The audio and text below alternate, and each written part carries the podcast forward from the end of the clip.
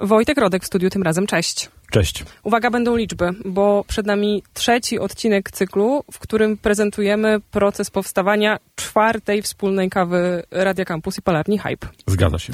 Gdzie jesteśmy w tym procesie?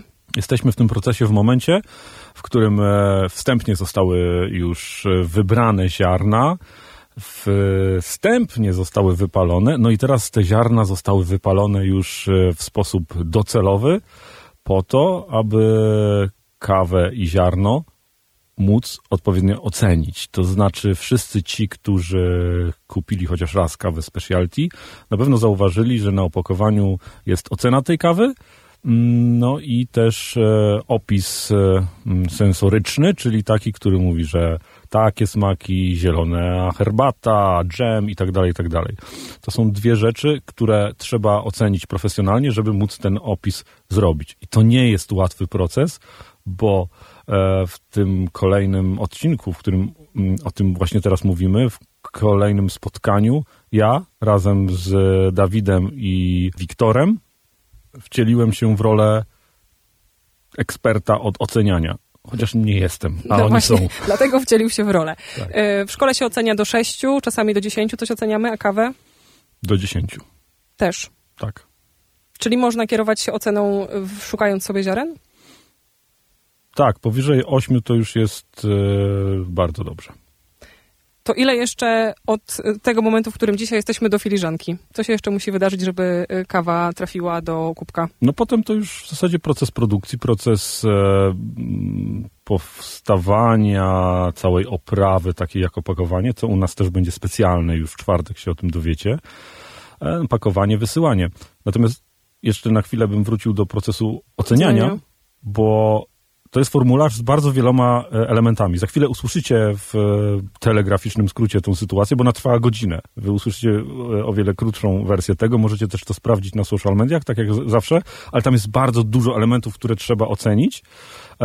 Ja jakoś sobie poradziłem, ale wiem, że to po prostu jest tak, że jeżeli nie wypiliście w życiu hektolitrów różnej dobrej kawy, to bardzo trudno to wszystko oceniać. Ja wypiłem już dużo dobrej kawy, ale no, nie byłbym w stanie na co, dzień, na co dzień tego robić, bo to naprawdę jest e, bardzo wiele dziwnych i niespodziewanych e, czynników, które trzeba oceniać, ale jak nazywane są te elementy, które oceniamy, no to teraz w skrócie e, z Palarni Hype, gdzie się przenosimy.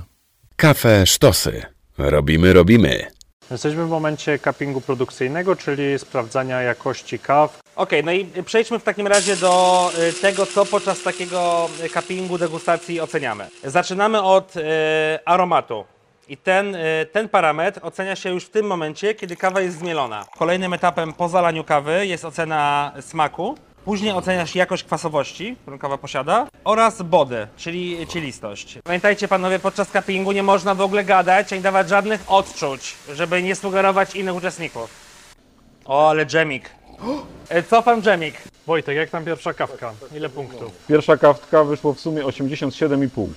A, blisko. U mnie 87,75. U mnie 88. Teraz słuchajcie, dwójka. Wojtek, co tam masz? 90,5. Grubo. Grubo. Ja mam 87. Ja 86. Okej, 90 generalnie. 90 wyszło, no. Dobra Ta, kawa. takie mamy kawy w hajbie. Takie mamy kawy w hajbie. 90.